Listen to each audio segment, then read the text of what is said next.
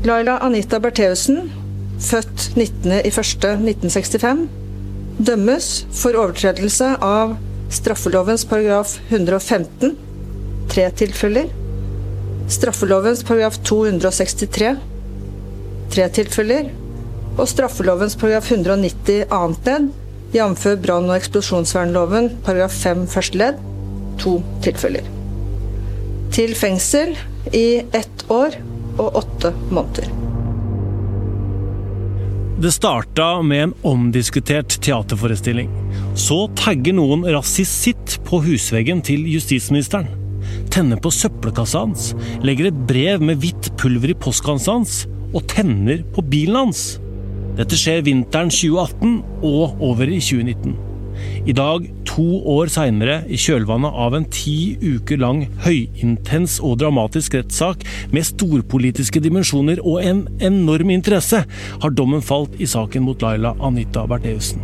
Hun blir dømt til ett år og åtte måneder i fengsel for trusler og angrep på demokratiet. Hvordan blir livet for Laila Bertheussen nå? Jeg heter Tor Erling Tømt Ruud, og dette er en episode fra Krimpodden i VG rett etter at dommen er avsagt i tingretten.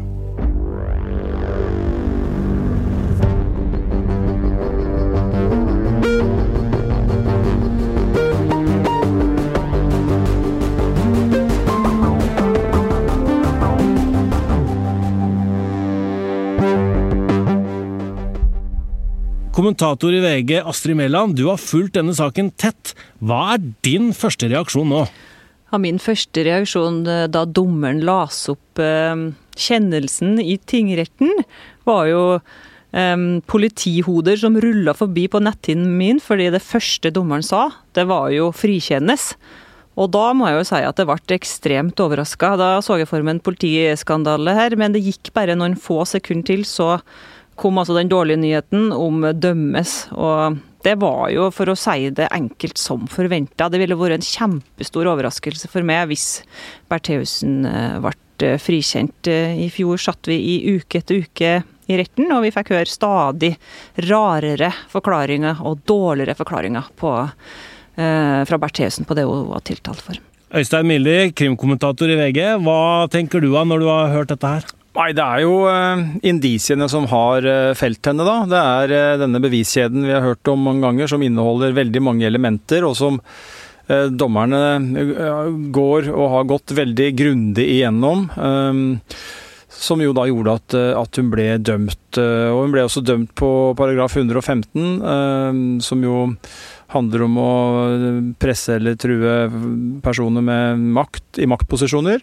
Eh, så det gjorde jo at dommen eh, ble såpass streng. Vi husker at påtalemyndigheten nedla en påstand om to år, og det ble en, ett år og åtte måneder. Det ville vært en uh, veldig stor overraskelse, og jeg har sagt det før også, det, hvis denne saken skulle ende med at det blir en frifinnelse, så hvordan man snur og vender på det, så ville jo det vært en en skandale, fordi at da har man ettergått uh, selveste samboeren til uh, justisministeren uh, uten at det var grunnlag for det, og det, det ville jo vært en svært krevende situasjon for påtalemyndigheten. Jeg er offeret i denne saken, sa Bertheussen selv da rettssaken var i fjor. Men nå konkluderer altså Oslo tingrett med at det er hun som er gjerningspersonen.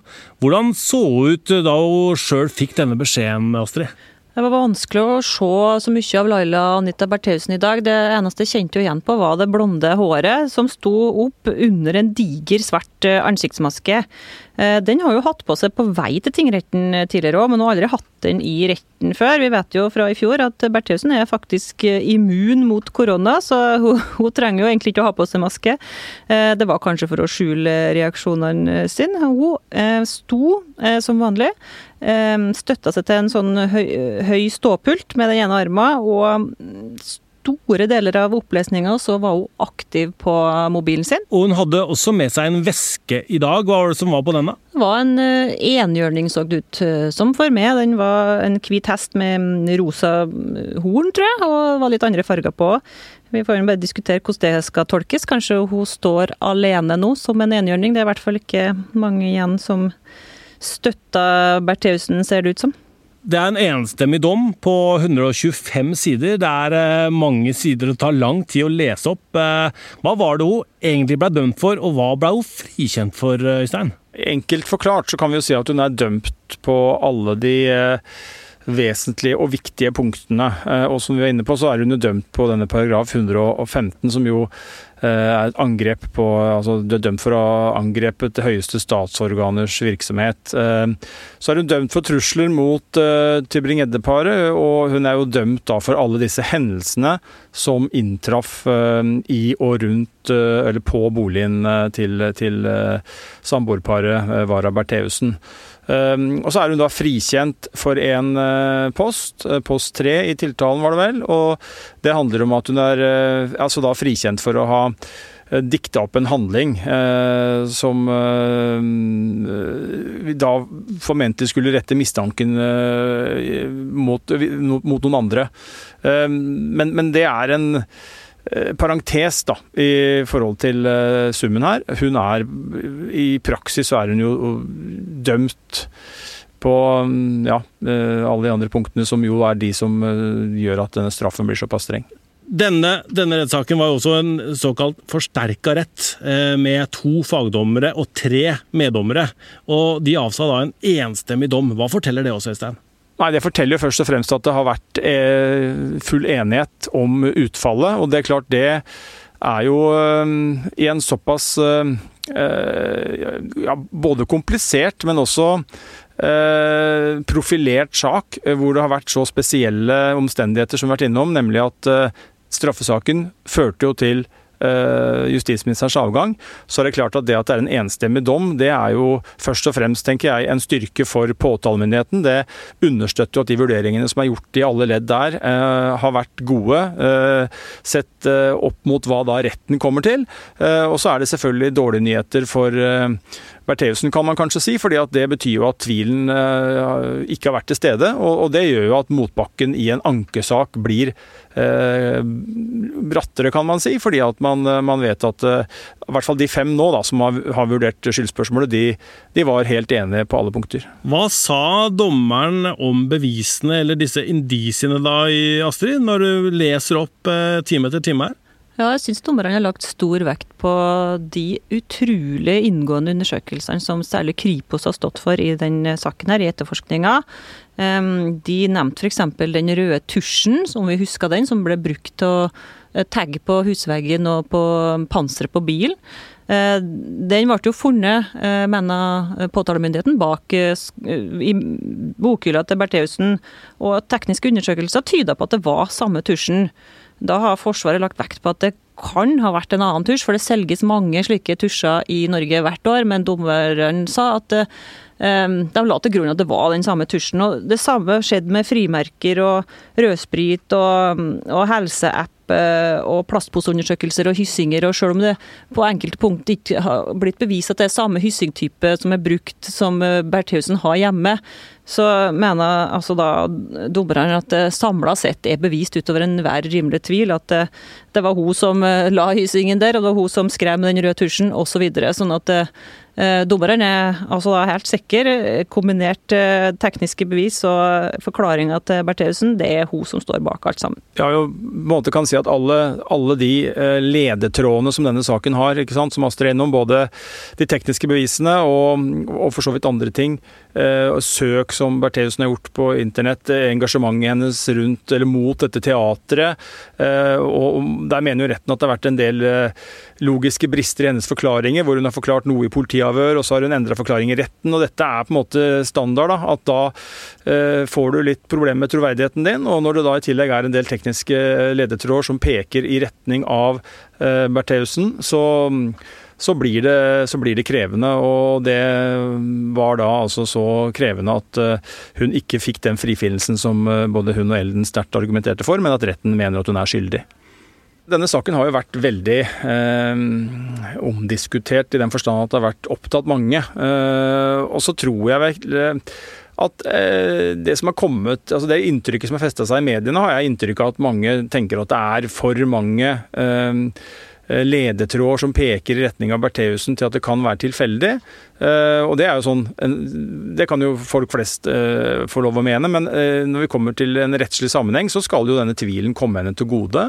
Og lista for å domfelle noen ligger jo veldig høyt. Og det er klart at når retten nå har kommet til at hun er skyldig, så så, mm, så, er det jo ikke sånn at denne saken nødvendigvis får det samme resultatet i en eventuelt ankesak, fordi at dette er, som vi har vært inne på mange ganger, en eh, indisiesak. Eh, og Forsvaret vil jo eh, helt sikkert, eh, om mulig enda grundigere, problematisere og trekke i tvil og peke på usikkerhet. Ikke bare i sum, men på hvert enkelt element. Eh, og forsøke da, eh, om det blir en omkamp, å få retten med på at det er så mye tvil at kravet for å domfelle ikke er oppfylt. Så det det er, og det er jo ofte sånn i den type saker, Tor Erling, og vi har jo noen opp gjennom historien hvor det er eh, en, en, tiltalt eller flere tiltalte som nekter skyld med styrke, og det ikke finnes noen ugjendrivelige bevis, så blir det jo ofte sånn at den saken blir diskutert uh, i, i, i, mange år fremover og stilt spørsmål ved. Og uh, i noen saker så blir det jo etter hvert også begjæringer om gjenopptakelse osv. Så, videre, så det, det, er en sak som jeg tror ikke kommer til å være over med det første, dette her. Men dommerne i Oslo tingrett de tror i hvert fall da ikke på Laila Anita Berthesen i det hele tatt? ja. Nei, det var ikke mye støtte å få her. Ehm, så, så sånn sett så har jo den eh, første runden eh, vært eh, relativt mislykka. Og det er klart, som vi var inne på, det er ikke noe, det er ikke noe det er ikke det beste utgangspunktet å komme til en ankesak med, selv om du får en helt ny sak, du får nye dommere, du får anledning til å føre andre og nye bevis. Så er det klart at uh, en, en, en, dom som er såpass knusende og, og enstemmig, og grundig ikke minst, 125 sider, er, er en omfattende dom.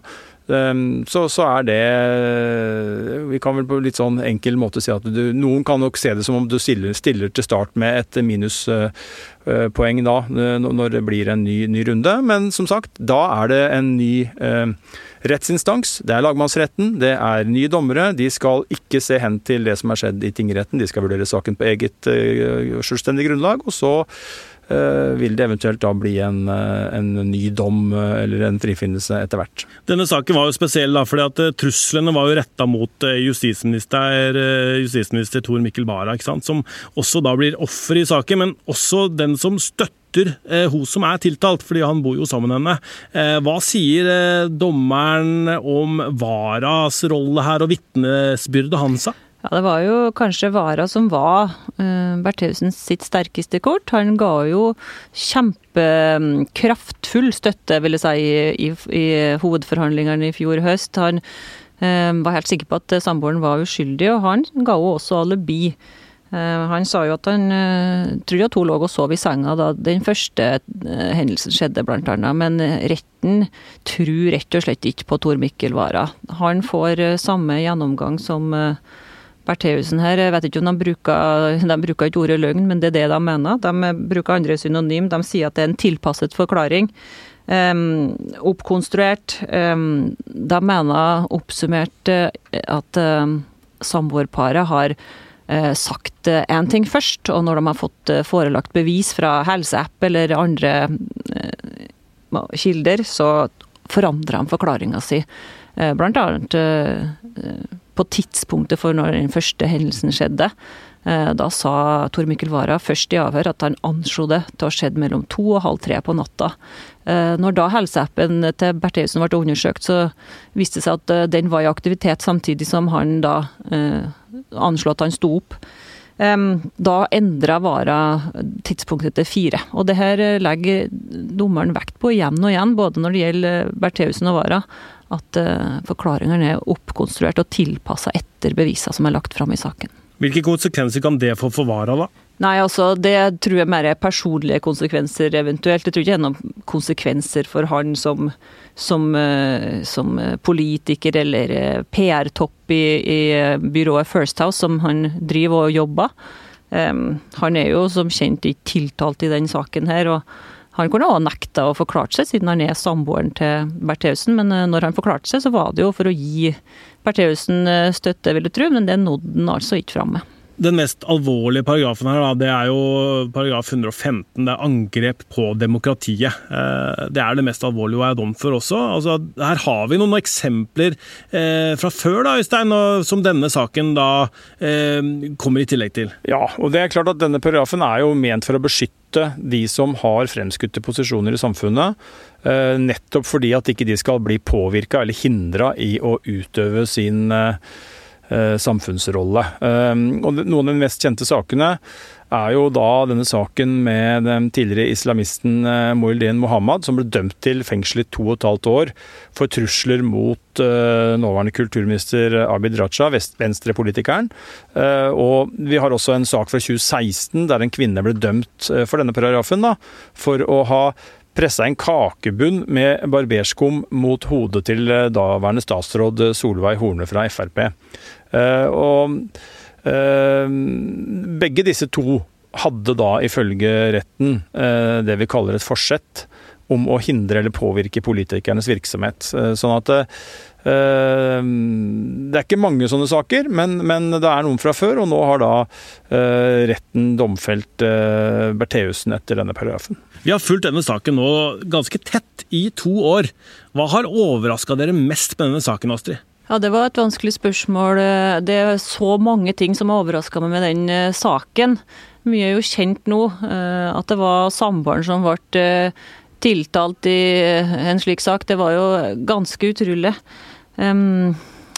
Jeg må jo også trekke fram trefningene mellom offeret Ingvild Smines Tybring-Gjedde og Laila Anita Bertheussen, som kanskje var toppen av, av rettssakens Ja, det var nerven da hun eh, anklaga ekteparet Tybring-Gjedde for å være persilleblad og for og våre hodeløse Yes. Og dette var jo for å si at uh, trusselbrevet som Tybring-Gjedde fikk i posten, var småtteri, uh, ungdomsstreker, hærverk, for å forminske alvorlighetsgraden på på det, på det, tiltalepunktet, nettopp for å slippe unna en dom på paragraf 115, som Øystein har vært inne på her. Og vi husker jo fra prosedyren at det var kjempespesielt at forsvareren til Bertheussen brukte så mye tid på å snakke ned straffen, heller enn å legge vekt på at hun skulle frikjennes. De sa selvfølgelig det, men de la eh, opp til mange muligheter for dommerne til å trekke fra eh, antall måneder i fengsel, rett og slett. sånn at allerede da så vi jo litt hvordan det gikk.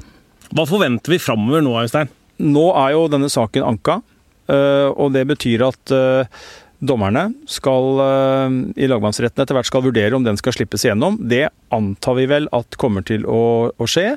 Eh, dette er en spesiell sak. Eh, for det første, vi har vært innom paragraf 115 som gjør den spesiell, eh, rent juridisk sett. Og vi har også det faktum at dette er en sak hvor tiltalte med styrke nekter skyld, og det ikke finnes noen enkeltstående fellende bevis. Og da øker jo kanskje sjansen, sett fra et sånt juridisk perspektiv, muligheten for at det kan bli et annet resultat. Og da er det lettere å få saken gjennom en sånn siling som, som foretas. Og da I så fall så blir det da en ankesak, og den berammes da så fort man har muligheten til å få den igjennom. Uh, om det blir før sommeren eller etter sommeren, det, det, skal jeg ikke si her og nå. Men da, i så fall så blir det jo da en, en, en sak i lagmannsretten. Samme type